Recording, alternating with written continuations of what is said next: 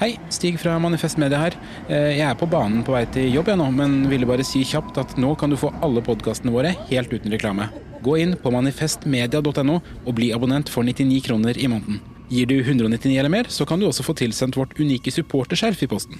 Du kan også vippse valgfritt beløp til 792646. Tusen takk for din støtte. Å drive en bedrift uten regnskapsprogrammet TrippelTex er litt som å drive et bilverksted uten trykkluftverktøy. Det funker jo med hjulkryss og fastnøkler også, det er bare mye mer tungvint.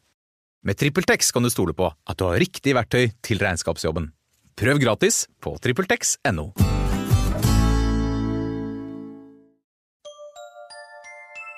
Liker du denne podkasten? Manifest Media er folkefinansiert, og vi er derfor avhengig av din støtte. Vips valgfritt beløp til 79 26 46, eller gi et fast månedlig beløp på manifestmedia.no slash supporter.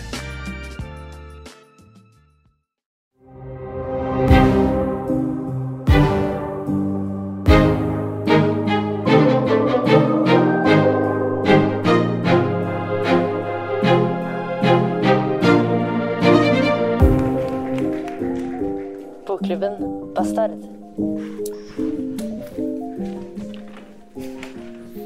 Ja, velkommen til eh, denne live-versjonen av bokklubben Bastard.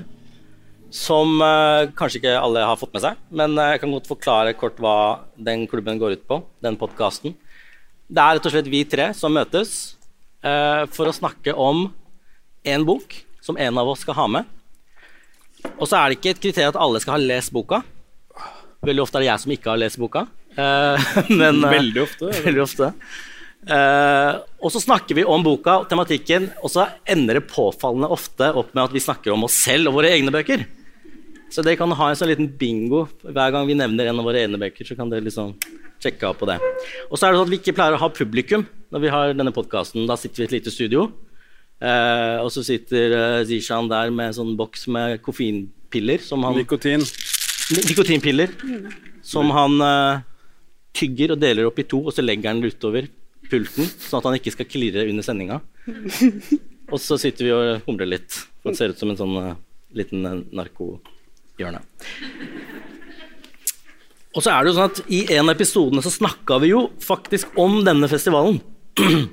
Eller det vil si vi snakka om Nina Lykke sin bok, hvor eh, festivalen er eh, et slags åsted. Litterært åsted. Ja. Og da var det en av dere som kalte eh, denne festivalen for litteraturens dansegulv, sa du. ja, ja, ja. Dansegulv Og så sa du russetreff. Ja. Husker du det? Det er jo det, da. Så får vi se da i løpet av kvelden, og kanskje fredagen mest, hvilken av beskrivelsene som er mest eh, presis. Eh, denne gangen så er det Maria som har tatt med bok. Så kan du fortelle oss hvilken bok det er? Jeg har tatt med meg eh, Stig, Mil Stig Millehaugen. Stig Millehaugen. Haugen. Selvhaugen. Groruddalen er haugen. Selvbiografi. Eh, 'Gjerningsmann'. Den kom nettopp. Utgitt på Press forlag. Og når sånne Stig Millehaugen Stig Millehaugen han er Nå må du bestemme deg for om det blir Haugen eller. Haugen. Han er eh, kriminell. Han eh, For et Kan år jeg- siden eller noe så rømte han fra fengsel, og da ble han karakterisert av media som Norges farligste mann. Men han, inne for, han sitter inne for et drap og har sonet en dom for et annet drap og sonet dommer for en rekke, rekke ran osv. Han er regnes vel for å være tidligere medlem i Tveita-gjengen, som var stort i Oslo øst på 80-90-tallet. Skal vi bare Eh. si, fordi han er jo, Tveita er jo i Groruddalen. Ja. Og på Wikipedia-sida til Groruddalen Mm. så er det sånn som det ofte er, da, at det er sånn kjente Groruddølinger. Mm. Der er du. Ja, du er der òg. Det. Vi begge heldigvis, eller heldigvis, men vi er der i hvert fall. Og så da står det jo sånn Maria Navarro Skaranger, forfatter. Stig Milhaugen, drapsmann. Drapsmann. Det er ganske morsomt. Men det som er litt gøy, er at eh, man tenker jo når kjendiser skriver bøker, at de har en skyggeskriver. Men Stig Millehaugen har jo skrevet denne boka sjøl. Ja. Mm, så det gjør den liksom litt uh, unik og interessant. Og jeg tok med meg den boka fordi uh, jeg syns det er ganske gøy med sånn uh, true crime og krim og sånt. Ehm, jeg husker jeg leste 'Politi og røver' av Kjetil Østli. Eh, jeg fulgte med på Eirik Jensen-saken. Og så kom denne Stig Millehaugen som rømte nettopp for ikke så lenge siden fra fengselet. Og da ville jeg lese den, og så ville jeg snakke med den boka med dere. Men hva slags, eh, hva slags bilde av gjengmiljøet i Oslo er det boka tegner? Fordi det er jo på en måte deres side av byen, dette her. Er Vår det? hud. Ja, Ja. det er jo det. Ja, det er jo det, er jo det altså. altså sånn en ting er Jeg bor liksom, på Oppsal, der hvor Stig Millehaugen bodde. ja. Ja. Så han skildrer liksom alle veiene hvor de kjørte for fort, og steder hvor de liksom rana en bank osv. Og, og, og når han rømmer ut i skogen, så rømmer han ut i Østmarka, og der går jeg liksom og går på tur med hunden. Så det er jo hjemlig drakter. Ja, ja, den øh, Han er jo litt eldre enn meg, da. Altså Den generasjonen hans er jo 15 år eldre enn meg, kanskje. Men, men, men det der avtrykket av liksom den såkalte Tveita-gjengen, som senere ble det ransmiljøet, som senere ble noen av de folka som rana Nokas, det var jo veldig Det var, det var veldig tydelig. Eh, da jeg vokste opp også. Alle visste liksom hvem Tveita-gjengen var, selv om de ikke var så aktive på den tida. Liksom, så, så gjorde de det. Og faren min har alltid fortalt meg sånn historie, for han drev en sånn butikk Ja. borte på Skøyenåsen, som er sånn, det er ikke så veldig langt unna Tveita. Og da kom liksom hele Tveita-gjengen klokka kvart over seks på en lørdag skulle kjøpe øl, men da hadde ølsalget stengt. Og faren min, som den prinsippfaste mannen han er, sa 'ingen øl til dere, Tveita-gjengen'. Det er tøff eh, fyr, da. Ja, skal faen meg ha for. Eh, Det er i hvert fall sånn han fortalte historien. At da sto liksom han der i døråpningen med øl bak seg, og Tveita-gjengen foran seg. Og nekta dem øl, da. Og de, de, skulle, de skulle komme og tenne på sjappa hans. Var ikke måte på, liksom. Men uh, han sto på sitt. Så det var liksom Jeg vokste opp med, med den historien. Men jeg har også vokst opp med hele den hvis du kan kalle den der forlenga universet han Stig Millhaugen opererer i, så den der mer sånn gjeng-slash-gangsterkulturen, liksom. Den var en kjempestor del av, av da jeg vokste opp. Den var liksom veldig sånn allstedsnærværende. For folk Altså, den For det første så du den på gata, fordi det var en sånn tid hvor folk kjørte sånn sykt styla biler og sånn, de der gjengfolka. Alle liksom alle kjente en eller annen som kjente en eller annen som var i den og den gjengen, eller som var liksom en gangster. Da. Det var veldig ofte sånn Masse av samtalene våre handla om sånn ja, Vi har hørt at han gjorde det, og jeg hørte han gjorde sånn. Nei, jeg hørte liksom ja. veldig mye sånn. Og så var det jo også den derre Hver gang du havna i konflikt med noen, så var liksom det første du spurte etterpå, var sånn Hvem kjenner han?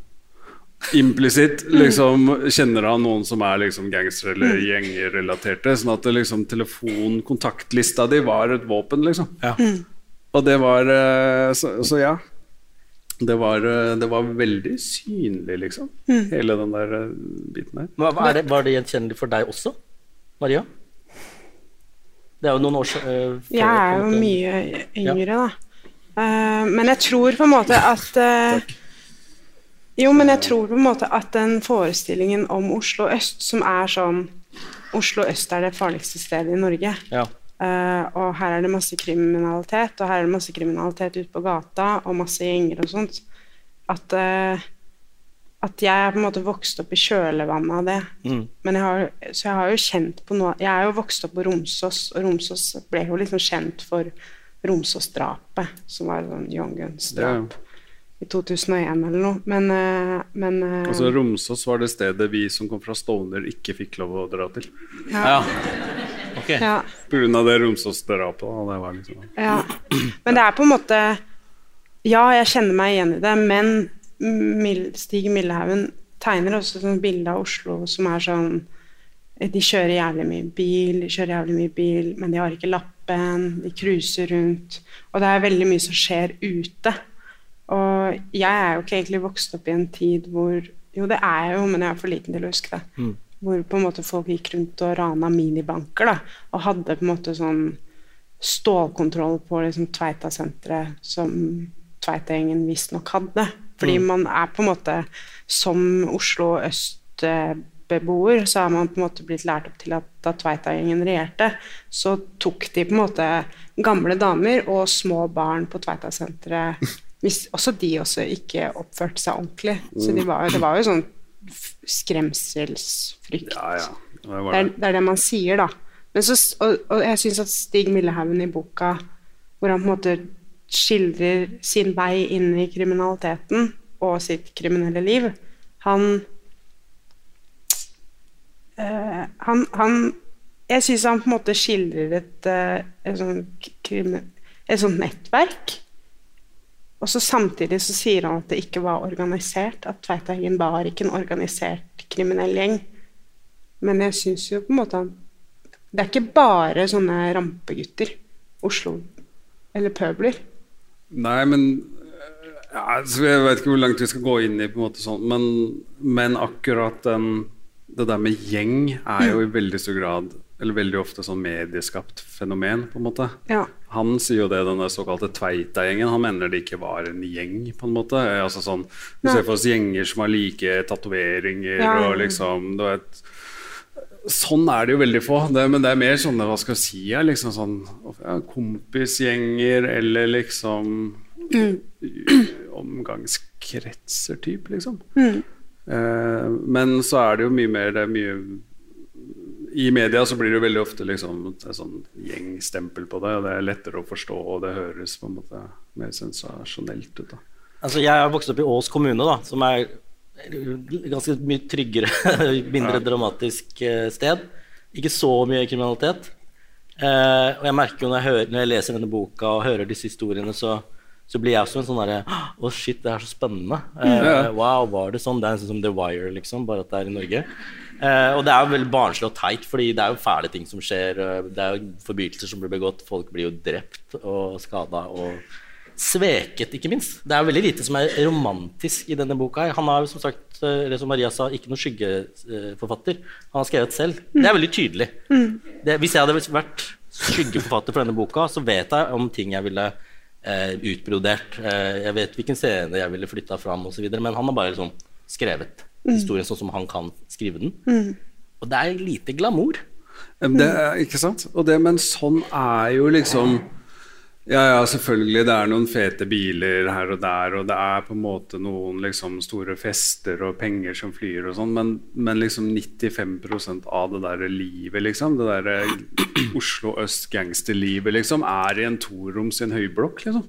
Ja. Og det er på en eller annen parkeringsplass hvor det sitter fire stykker i en bil. Og, ikke sant? Det er sånn, og det føler jeg han fanger ganske godt. Liksom. Akkurat det der. Det er ikke noe glam, liksom. Eller veldig lite glam. Eh, ja. Men når mediene beskriver for eksempel gjengoppgjør i Stovner eller hvor som helst, da, uh, og så er det kanskje ikke en gjeng Men er det litt sånn at det blir selvoppfyllende? At uh, når man får det stempelet, så er det sånn Å, shit, ja, kanskje vi er en gjeng? Er ikke det litt kult, liksom? Eller er- var det urettferdig? Føltes urettferdig, måten stedet ble omtalt på i mediene? Eller tenkte dere, du eller deg Ja, det er jo, det er jo litt sant. Det er jo urettferdig fordi man ikke har fått lov til å definere det selv. Da. Mm. Og så som jente Det her er jo et uh, ganske maskulint miljø som tegnes. Jeg tror det er med én kvinnelig karakter, to kvinnelige karakterer i denne boka.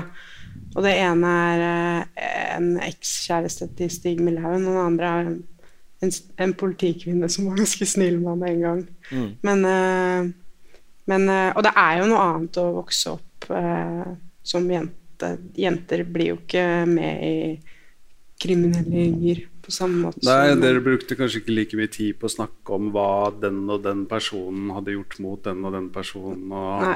Ikke sant? Så det var, nei, men det var jo veldig Det sier ikke det var jo ikke sånn at alle på Stovner på en måte gikk rundt og bare snakka om gjeng-gjeng, liksom. Mm. Men det var, det var veldig sånn nærværende, liksom. Det Mm. var det, altså. Um, ja, så, men det der med hvorvidt det liksom er urettferdig eller ikke, det er, en, det er en jævlig stor diskusjon. Jeg tror liksom man kan fastslå at det var en stor ting. Mm. Og så var jo ikke det alt, på en måte. Det er mer sånn Og så tegner jo Stig Millehaugen Han han lager jo på en måte stort bilde. Han er jo med på å bygge opp under sånn Dette er liksom Oslo øst, sånn som eh, Eller jeg på en måte kaller det for Oslo øst, da, men det er liksom både måten han skriver på, språket hans, og, og hvordan han på en måte overdriver historier og, og hopper raskt videre når han forteller noe, gjør at liksom, det er et tempo her. Men han eh, Det er en sånn derre salig blanding, føler jeg, av sånn derre eh, kjøre fort, rane minibank, litt, litt dop, ja. og sånn eh, Vålerenga, eh, Jokke, eh, Kristoffer Nielsen Eller sånn derre eh, Ja. Men eh, det er jo noen partier i boka hvor han beskriver dette, og det er litt sånn eh, som du sa eh, Det er ikke glamorøst, men det er noe på en måte mytologiserende der også, på en Ja. Kanskje du vil Jeg skal lese det, da skjønner man hva jeg mener. Ja. Ja, ok. Tveita-miljøets eldste mann, Ralf, var også gjengens selverklærte Dynamitt-Harry. Ralf var en interessant karakter det neppe fantes mer enn, av, mer enn to av i landet. Han var fra starten av en original skapsprenger som på begynnelsen av 1980-tallet også sto bak noen svært oppsiktsvekkende eksplosjoner i Oslo-området. Blant annet sprengte han en konteiner med tonn dynamitt på Alnabru. Trykkbølgen var så stor at halve Groruddalen måtte skifte vindusruter, og samtlige av Oslos krigsveteraner var å finne i køen på Vinmonopolet dagen etter. Han, er ganske morsom. Han sprengte også bilen til den daværende justisministeren og et hull i muren på Oslo kretsfengsel. Disse eksplosjonene ble den gang omtalt som gigantiske rampestreker. Etter dagens politikk ville det utvilsomt blitt klassifisert som terrorhandlinger. No shit. Altså, politiet anså klart Ralf som farlig. For oss som kjente Ralf, ville det være mer treffende å si at han hadde farlige ideer og gjorde sprell som fort kunne endt dødelig. Ralf hadde ingenting imot imaget som farlig, og ifølge han selv skulle han også en tid ha stått på listen over perifere mistenkte etter drapet på Olof Palme i 1986. Ja. Det er både Ralf, da. Det er også Millehaugen som som eh, som drar på. ja. Ja. Og vi hører jo bare ut fra reaksjonene i salen at uh, dette er underholdende. Mm. Uh, og det er jo ikke noe tvil om at vi lar oss fascinere av uh, forbrytere og kriminalitet og eh, Vi skal jo snakke om de problematiske sidene ved boka etter hvert også, men hvorfor lar vi oss fascinere sånn? Nei, altså det, det Når vi har gjort den podkasten, har vi liksom snakka om det med mange ulike sjangere. Hvorfor man lar seg fascinere av ulike typer bøker. da Vi har snakka om 'Ringenes herre', liksom. Hvorfor er det så fengende? Og hvorfor elsker middelklassen å lese om seg selv? Liksom. Og det, og det er litt sånn her og så handler det på en måte om det er liksom to ting. da Det ene er jo sånn at det er jo spennende å komme på innsida av det her. For de fleste er jo langt langt unna det der livet og de opplevelsene og sånn. Så det er noe med liksom der, å få det vinduet inn og kikke inn og shit. Få liksom noen som virkelig har skoa på, da, som forteller det. Men det er jo eh, Jeg husker da vi var sånn ja, ja, at ungdom og ung voksen alder, liksom så var vi jævlig opptatt av det du var litt inne på i stad, Johan, om at liksom å, Alle snakker så dritt om Groruddalen og Oslo øst og Ja. Men vi elska de historiene her. Ja. beste vi visste, liksom, var sånne type filmer, om det var norske eller internasjonale, liksom, var det beste vi kunne se, liksom. Det var, og det er noe med på en måte det, det appellerer jo både til de som står på utsida og gjerne vil liksom inn, inn og se. Og så appellerer det jo til veldig til de som på en måte føler en eller annen sånn tilknytning til det, eller dette er på en måte vår, vår historie, skjønner du. Og så er det jo det der med liksom Det er jo Jeg, vet ikke, jeg tok meg sjøl når jeg leste, i. Det er jo Jeg leste hele boka på en kveld. Fordi det er Politi og røver er jo spennende, liksom. Ja, men det, det Noen ting er på en måte så enkelt. da Det er en sånn fundamentalt historiefortellingsmessig med det, liksom. Så, som bare får de til å funke.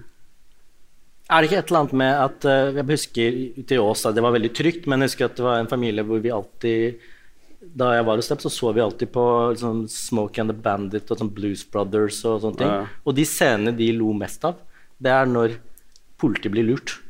Hvis de klarer å kjøre vekk fra politiet ved å lure dem. Eh, hvis politiet punger dekka eller et eller annet. Hvis det skjer noe med politiet, så var det liksom Det var liksom maks stemning. Og det Jeg også lurer på om Er det noe der? At det er noen som faktisk, uten å eh, forsvare eller romantisere det som foregår i boka her, noen faktisk eh, eh, Det er en slags opprørs, ja. autoritets... ja. motstand også. Vi også tok liksom Vi heide jo alltid på bad guyen, liksom. Øh, Sånn i sånne type filmer, da. Så vi heide jo alltid på de gangsterne, liksom. Og det er akkurat som du ser nå, hvorfor syns masse unge gutter at Exit er så jævlig fett? Altså den serien om de finans, utagerende finansfolka på Oslo vest og Bærum, liksom. Masse unge gutter, og jeg er null overraska over at de syns det er gøy, for det er liksom normbrytende, og det er opprørsk på en eller annen måte, da. Det Kanskje, jeg, jeg veit ikke. Det er opprørsk, det er sånn frihets... eh, ut av det Eller og det, og det føler jeg litt sånn herre Hvorfor ble Stig Millehaugen kriminell? Han kom fra en sånn veldig middelklassefamilie eh, på type Bryn, som er et sånt hus eh, Ja. ja, Han kom fra i hvert fall en ganske sånn stabil familie, og det sier han jo selv også. Og så Hva var det som gjorde at han måtte, eh, gikk inn i det kriminelle livet? Og da tenker jeg det er jo en sånn herre På denne tiden så var det jo veldig mange andre som også ble på en måte helt sånn ekstreme. Bare i Follo da, så er det sånn svartmetallgreier og sånt. Det er jo Ja, ja, ja. sånn derre brytning ut av det helt sånn ubeskrivelig grå og konforme Norge. Som Norge var der, da. Ja. Eller sånn, det, det, det var én kanal på TV. Eller sånn Jo, men det er jo Eller sånn Men eh, Men eh, Ja, at det er sånn frihet, en uro, sånn Men det som er med han, da Han bruker jo omtrent fem sider av boka på å forklare hvordan han ble når han ble kriminell. Det går veldig fort. Mm. Det er sånn, Jeg var en gutt som var litt bortskjemt, faktisk. Han sier det et sted. Jeg eh, var glad jeg var ute i naturen og bygge lavvo og leke i skauen. Og på sommeren så var han ute ved sjøen og båtliv og sånn. Veldig sånn. Og så begynte jeg å stjele BMX-sykkel. Det er jo nesten sånn. Og så er det en annen episode vel, eh, Johan, som er at han kjører en av disse BMX-syklene, da, cross-syklene. Ja. Og så blir han beskyldt av en eldre mann for å ha skrapa opp bilen hans. Ja. Og de havner i en diskusjon. Millaugen er ganske ung. Mm. Og han voksne mannen liksom lapper til han. Og da ender det med Han går vel, drar vel hjem Millaugen og tenker på saken, liksom. Og så neste gang så ser han han mannen, og har han med seg en eller annen pinne, eller så skraper han opp hele bilen. Og mannen klikker jo, og Millhaugen truer han med den pinnen.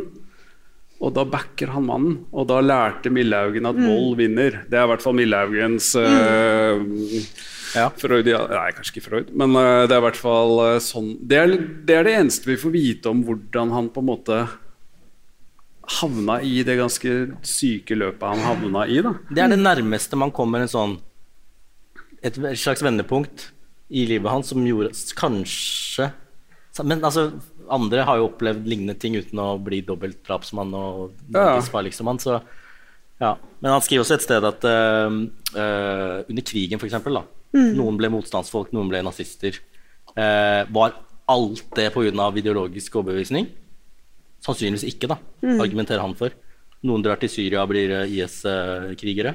Noen blir svartmetallfolk. Eh, og han mener vel med det å si at eh, noen ganger så er det tilfeldig hvilken side man havner på, eller hvilken gjeng man havner i, da. Eh, og at det kanskje også var litt sånn for han. At eh, ja. Ja, det, man skal, jeg tror det er min, nesten mer sånn livssyn jeg har generelt, at det liksom skal tilfeldigheter har sykt mye å si. Det har det. Men, men det er også litt sånn, hvis man skal begynne hvis man skal ta, liksom analysere det som en bok, da, det er vel kanskje der den er svakest, er jo kanskje på akkurat det. At de liksom de aller beste sånn gangsterhistoriene, som liksom Sopranos, da, hvis du skal ta den, utforsker jo på en måte det dypdykk inn i individet. ikke sant? Virkelig inn, liksom. Eller The Wire, som også er en sånn gangsterserie, som har det spenningselementet, men som er veldig opptatt av liksom, strukturene og samfunnet rundt og sånn. Det, det blikket får man ikke i den boka her, og det er jo jævlig mye for langt, selvfølgelig, da. Men det er på en måte Det er ingenting av det. Liksom. eller det er mer en sånn Boka er på veldig mange måter en kriminalitetskrønike. Og så gjorde jeg sånn, og så skjedde det, og så lurte han han, og så gjorde altså det er liksom, Og så sånn går det, og det er jo rimelig spennende, som vi var inne på. da Men det er jo ikke på en måte Og så er det jo på en måte Stig sin historie, mens mange av de som Stig øh, var sammen med Stig Får vi på fornavn? Ja, altså Det var jo folk som var oppvokst i drabantbyen, og som kom fra på en måte tøffere gård Ja, ja. enn han gjorde. Og, og, og Men han Ja. Mm. Men altså, du nevnte Sopranos, og det er jo interessant, for han, eh, Millehaugen, nå sier jeg også Millehaugen, skriver også om Sopranos. Han sa først etter at han var voksen og så Sopranos, hvor da hovedpersonen, er som er gangsterleder, går til psykolog og begynner å gå tilbake i, i oppveksten, og, og så er det jo Han har hatt angstanfall. Det er det som har skjedd. Ja. Um, og da skriver Millehaugen at uh, Ja, det er sant. Det da han skjønte han Det er jo det samme som han Han også har hatt angstanfall, eller noen sånne Ja. tegn, da. Uh, men at det tok ham da et helt liv å, å komme dit og skjønne det, da. Men uh, Jo, men det er jo sånn med- Akkurat det er jo sånn Jeg har kompiser som har levd det der livet der, og som helt åpenbart har PTSD. ja. Og noen av de har fått påvist det, liksom. Men det, da er de Jeg er 40 nå, liksom. Og de har fått påvist det de senere årene. Det har, sånne ting tar liksom litt tid, så jeg kjøper på en måte den biten. Men når han forteller om hvordan han kjente seg igjen i Tony Sopranos angstanfall, så er det han forteller at han kjenner seg igjen i, er de medisinske symptomene. Han sier ingenting om hva foregikk inni meg, hva var det jeg bala med, liksom. Han bare sier jeg fikk angstanfall, og det stakk i brystet, og jeg så smalt. Skjønner du? Og det er liksom man kommer liksom ikke helt på innsida her, da. Det er vel også en sånn herre Det tar lang tid å skjønne at man har PTSD, men det tar også lang tid å på en måte kanskje skjønne at man er litt narsissist. Og det er også det Stig Wilhelm på en måte er. Det er jo noe sånn derre eh, eh, Fordi han Ja, skriver om sant, En ting er alle disse ranene og sånt, og da var det på en måte ikke noen De, de går jo ikke utover eh, folk på den måten, men han, det første drapet han ble dømt for, var jo et drap på en fengselsbetjent, som på en måte var et uhell. Hvor han skøyt en fengselsbetjent. Og da angrer han. Eh, eller det var ikke et uhell, men det, var et basketak. Han skulle ja. rømme, og så i det basketaket, sånn som han beskriver det, så Ja. Gikk da- det av. Og da angrer han, og det ser man i teksten, at han eh, eh, At det må ha vært vanskelig å skrive om, og, og, og så videre og så videre. Og så hopper han jo fort videre og sånt, men han, andre ting han skriver om, f.eks. Eh, dette drapet på Jedi, Ja, Mohammed eh, Javed. ja, som er det drapet han soner for nå. Ja. Eh, da på en måte syns jeg ikke han har den samme sånn selvransakelsen i sånn Og dette er da VAR? Bar, lederen Eller en, en sånn En ledende figur i en annen I en, Bane. Nei. i Young Guns. Young Guns. Ja, Ja. som var en sånn Ja. gjeng. Altså, det som skjedde, var at uh, Millehaugen uh, blir uh, kobla inn, eller hyra inn, Ja. som eh, Leiemorder. eh, leiemorder. Det er vel det det heter. Leiemorder. For å drepe denne eh, Javed, da. Og det får Det synes jeg er, vel, det er det mest problematiske med boka, syns jeg. Er eh, hvordan han beskriver den prosessen som Der er det ikke mye sånn eh, Å, så lurte jeg på om jeg skulle gjøre det eller ikke. Dette er jo alvorlig. Det var bare sånn Ja. Og så tok jeg med den gunneren, og så lagde vi den planen, og så og så er det litt om at ja, han hadde tre barn og det er sånn senere, Han skulle planlegge hvor han skulle gjøre dette drapet. Så det er sånn, Han har kartlagt rutinene til denne Javed. Da ja, han pleier å hente de tre barna eh, på skole og barnehage da og da. Og jeg slo fast at eh, jeg kunne ikke ta, gjøre attentatet da. Så bare sånn, Nei, selvfølgelig kan du ikke det. Men, men, men det er det nærmeste han kommer en sånn derre Ta hensyn eller moralske overveininger. Og så bruker han et helt kapittel først på å si at eh, dommen var feil. Eh, Ja. Og at politiet gjorde feil og undersøkte feil, og dette var det han ble dømt for. Og, og da tror man på en måte at shit, han er uskyldig dømt. Det, det, det var litt det jeg tenkte. da. Eh, og så i neste kapittel så sier han bare Plutselig så sier han bare det var ikke uskyldig dømt, det var, bare, det var bare feil, for de skulle dømt en annen i tillegg. Ja. Så han bruker på en måte et helt kapittel på å skylde på en annen da, som ikke ble dømt. Eh, men, eh, men han er ikke noe han, han gransker jo ikke på en måte Ja, hva er det han har gjort, og hva vil det si å skylde på en eller sånn skylde på en annen, osv., osv. Hva tenker dere om det, da? For det drapet er jo ganske detaljert beskrevet. Mm. sitter i en bil og skyter han i huet, og kula går sånn og sånn. Og, og det er veldig grafisk. Og denne fyren uh, som ble drept, eh, var jo åpenbart ikke liksom, mors beste barn osv., som uh, Milhaugen eh, og mange andre eh, har sagt. Eh, det betyr ikke at han eh, burde blitt drept. Men det andre er sånn, han har jo familie.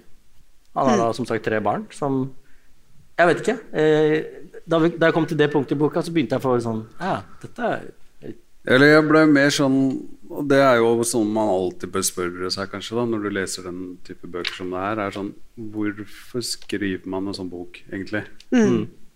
Hvis, du er, hvis man prøver å liksom sette seg i Stig Millhaugens sko, da. Ja. Hva er det han ønsker å på en måte oppnå med å skrive, skrive den boka? Og veldig ofte så er inntrykket inntrykk av folk som skriver som bøker, er jo en slags sånn ønske om en slags forstå meg, liksom. Ja. Det er sånn ønske om tilgivelse på en eller annen måte også. Jeg helt overbevist om at det er det han er ute etter. Han, han ber jo egentlig ikke om unnskyldning sånn for noe særlig. Nei. Det er kanskje vi som vil at han skal unnskylde seg. Ja, kanskje det er det. Ja, for det Eh, står faktisk bak på boka at jeg har sittet hele mitt voksne liv i fengsel og er domsfelt for flere svært alvorlige forbrytelser, og i denne boka vil jeg fortelle om en rekke brutale voldshandlinger. Han unnskylder seg jo ikke. Ja, altså Han leverer jo på det. Han leverer veldig på det, liksom. Men det Så det er jo en sånn blanding av liksom ja, narsissisme i den forstand at jeg tror jo Det skinner jo veldig gjennom, og på et eller annet rart nivå har jeg en slags sånn forståelse for det, i hvert fall det som ikke handler om å ta livet av folk og sånn, er at han, han syns jo en del av de tinga han har gjort, er litt kult. Ja. Han har litt lyst til å fortelle om det. For, faen, dere skulle visst de tinga jeg har vært med på, ass, gutta! Og så kommer boka, liksom. Og det er sånn Og det funker som underholdningselement når det er på en måte ran av Eller sprenge minibanker og sånne ting. Da. Det er jo ikke Minibanken har jo ikke en familie. Nei. Så, men, men det er litt mer problematisk enn når det er liksom Den narsissismetingen eh, er jo interessant fordi han beskriver jo da liksom, mentaliteten i noen av de miljøene han ferdes i. Eh, og så skriver han at ja, så var det noen som begynte å si at, eh, at de følte seg som overmennesker. Altså kriminelle, som var kriminelle selv. da At de var på en måte heva over de andre. Eh, og etter hvert så tror jeg han også skriver et sted at han selv på et eller annet tidspunkt så på seg selv med, de, med, med et sånt blikk, da, som et overmenneske. Og det er jo interessant, for at eh, i 'Forbrytelse og straff', Dostojevskij, så, så, så tror jeg uh, Dostojevskij også skildrer han Raskolnikov, hovedpersonen, som at eh, han begynner å se for seg selv, se på seg selv som et overmenneske. Eh, og ja, det er også et element der, og det, det er jo ikke sånn Ja, det fins jo forbrytere som er sympatiske, men uh, han her er vel ikke en av de. Du kan ikke si det. Nei, men jeg tror det er liksom Det er kanskje en forutsetning å ha en viss sånn følelse for å kunne gjennomføre mange av de tingene han har gjort. da Ja. Liksom, du, du, eh, at du må jo på en eller annen måte rettferdiggjøre det for deg selv. Eh, og, og i tillegg den der rene liksom, sånn effekten av mange av de gutta, de er stort sett gutter, da, føler seg jo genuint som det. På en måte, fordi de, loven driter dem i, liksom. De køene på utestedet, bare går de forbi, liksom. Det er jo veldig mange ting som bekrefter den der hypotesen deres, i hvert fall i den der verden de opererer i. Da. Alle Ja. ser opp til dem, de unge kidsa vil liksom henge med dem. Det er jo veldig mye Det er jo en sånn bekreftelsessirkel der også, så jeg, jeg skjønner jo på et eller annet nivå hvor det kommer fra. Hvis du skjønner? Ja. Han lever jo på Altså, han lever jo i en annen verden, men han har jo på en måte Han har jo ikke noen forutsetninger til å liksom kunne ransake seg selv på den måten vi tror at man skal ransake seg selv på. Eller sånn. Og jeg tenker jo også litt sånn herre Jeg veit ikke, jeg. Ok, det drapet på den fengselsbetjenten er jo på en måte helt forferdelig, men det er jo en eller annen sånn herre Det er liksom piratkodeks eller sånn. Det, det som skjer innenfor gjengmiljøet, det, det skjer der. Og det har jo på en måte ikke noe å si for meg, da, Mm. tenker jeg sånn umiddelbart. At, det, at det, innenfor et sånt uh, gjeng uh, De reglene de opererer etter, så, så hvis du tar meg, da tar jeg deg. Eller sånn Ja. og det, og det har jeg på en måte Det, det, har jeg på en måte forståelse for. for. Jeg syns ikke det er uh, Og jeg, jeg bare hvis, hvis, hvis man skal gå og på en måte angre på liksom det man har gjort, sånn som vi vil at han skal, da, så går man jo til grunne. Ja, ja. Ja. Sitte, han har sittet i fengsel i 35 år. Da. Mm. Hva, han kjenner ikke verden utafor. Sånn, og det, det er det han på en måte kommer fram til mot slutten òg. Hvor jeg syns han også er, på en måte skriver best, Ja. er når han er på sitt laveste. Eh, og så rømmer han fra fengselet en siste gang. Og hva skjer da? Hvor drar han? Ja, og det er liksom Og det er så fint i denne boka. Det er som en roman. Han, Stig Millhaugen rømte fra fengsel en gang på type 90-tallet. Eller rømte fra permisjon, da. Og så eh, rømte han ut i skogen i Østmarka. Og da han rømte i 2021 eller noe, eller i fjor, så rømte han til samme sted. Så han rømmer jo hjem. Og det er ganske sånn poetisk, egentlig. Det er som om jeg skulle rømt til Romsåstårnet, Ja, ja. og du skulle rømt til eh, Liastua. Ja. Det er ingen som veit hvor Og det du er. skulle rømt til et annet sted. I Landbrukshøgskolen. ja. Jo, men det er den her Det er sånn, sånn Jeg syns at det er sånn sånn Solstad-roman. Ikke Ja. Jeg har bare en, kan jeg bare le, ta en sånn annen? Ja. Fordi han Nå høres det ut som Det er mye å si om den boka som bok, og sånn, men jeg syns den, er- den er liksom lesverdig sånn sett. Og det er jo Men han er ganske morsom ofte. Ja, ja. Ja, ja. Og så har han en greie som jeg i hvert fall syns var morsomt, Da. Hvor han har flykta til Spania. Uh, og- og det er vel det eneste stedet han lever litt sånn glam-liv, liksom. Og, om det er Marbella eller hvor det er, det kommer kanskje ikke helt fram, men det er i hvert fall i, i Spania. Ikke sant? Og så bor han der over en lengre periode. Han blir litt sånn som de lokale. Og, så Da har han også kom- rømt fra og så blir han ordentlig sur, fordi på sommerferien så begynner alle nordmennene å komme ned dit. Og det liker han ikke. ikke sant? Og så er det en dag han er på nærbutikken sin, hvor det er en eldre norsk dame som driver og kjefter på hun spanske kassadama. Fordi hun eldre norske dama er så oppgitt over at hun spanske kassadama ikke forstår henne. Så hun eh, norske dama sier noe sånn at du må jo kunne gjøre deg forstått, da. Hvor da Millehaugen liksom prikker av på skulderen og sier du, sorry, men her i landet er det du som er pakkis. det er bra. Ja. Men det, det bra syns jeg ja. Men det, det var oppsikts, ikke oppsiktsvekkende, men påfallende med boka at i sånne omtaler av gjengmiljøer og Oslo øst og kriminalitet i den delen av byen, så er det alltid sånn i mediene og i, i samfunnsdebattene så dras det inn sånn, sånne etniske faktorer. Eller veldig ofte, da. Det er noe med den pakistanske æreskodeksen som ligger i Klankulturen klanstrukturer og sånn. I den boka er det ikke noe av det. Det er liksom kjeltringer, politi, kjeltringer, politi. Det er, alle er liksom Ja. Sånn som den scenen der syns jeg også beskriver det litt. Ja, ja. Det, ja. Men uh, bare for å stille dere et personlig spørsmål, da. Hypotetisk spørsmål. Uff. Kunne dere, eller vi, blitt kriminelle?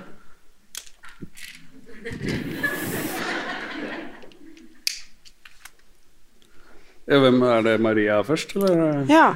Altså, jeg tenker jo sånn at uh, må man Jeg kunne aldri blitt kriminell pga. Uh, at det gir meg et adrenalinkick eller noe. Men eh, jeg tenker at må man, så må man.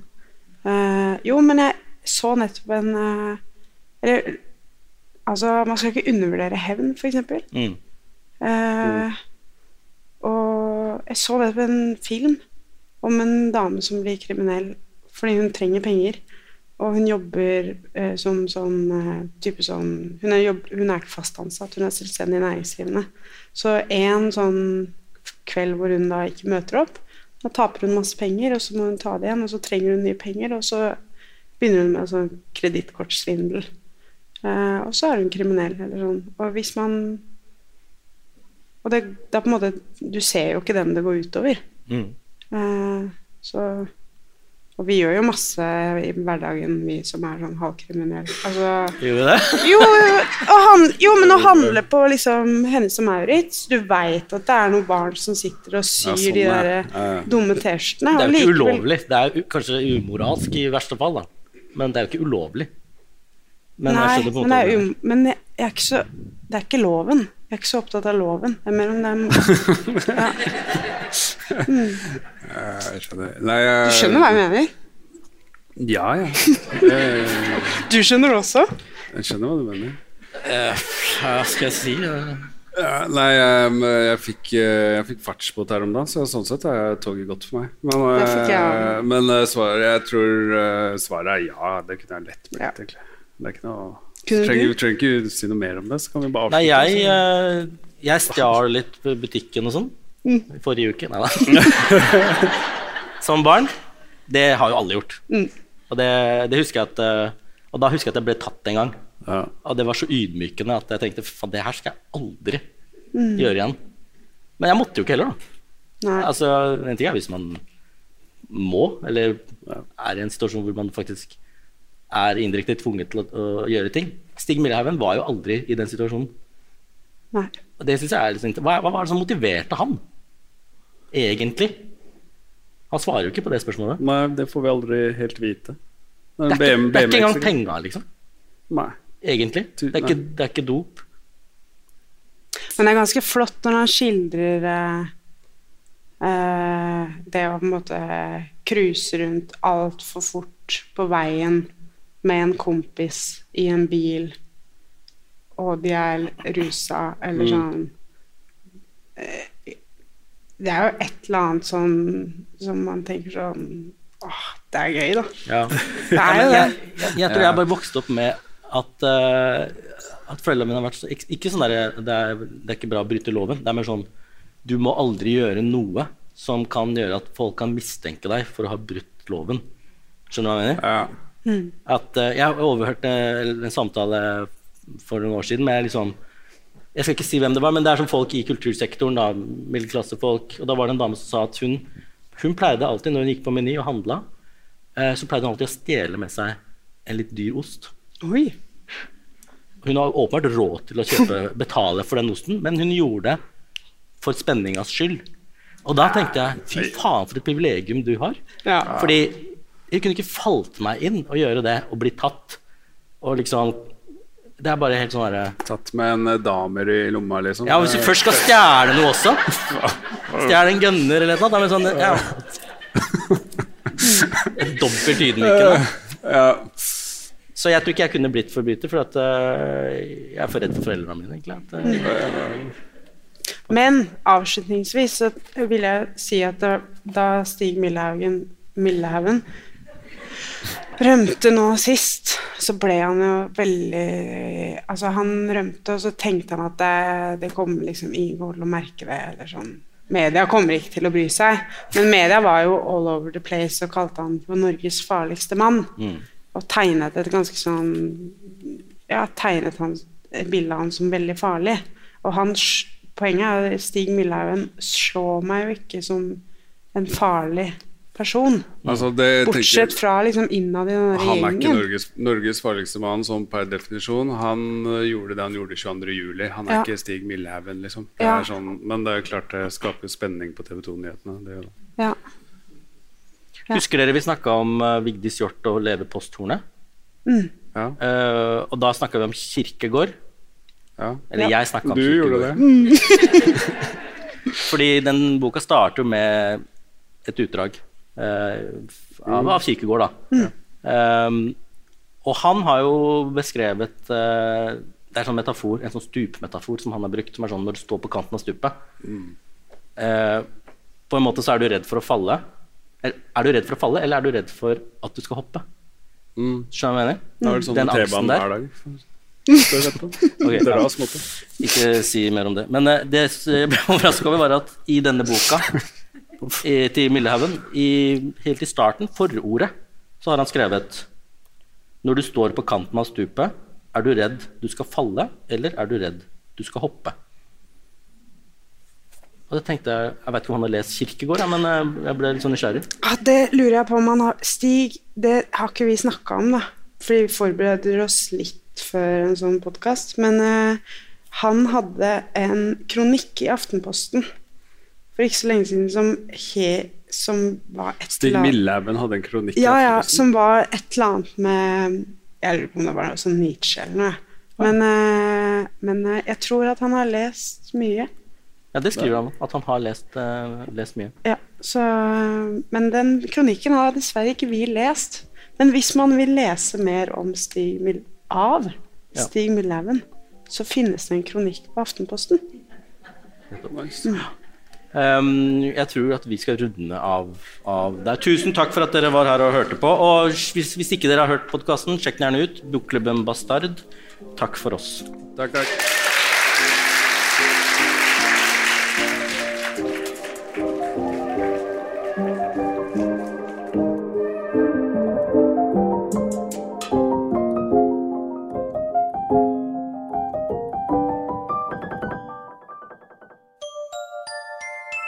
Likte du denne podkasten?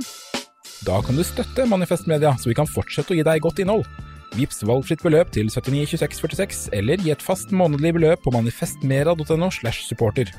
Produsent for denne podkasten var Mikkel Kvenås. Ansvarlig redaktør er Magnus Marsdal.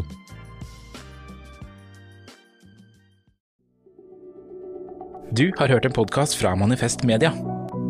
Vi er folkefinansiert og avhengig av din støtte. Gå inn på manifestmedia.no og bli supporter, eller vips valgfritt beløp til 79 26 46. Ansvarlig redaktør er Magnus Marsdal.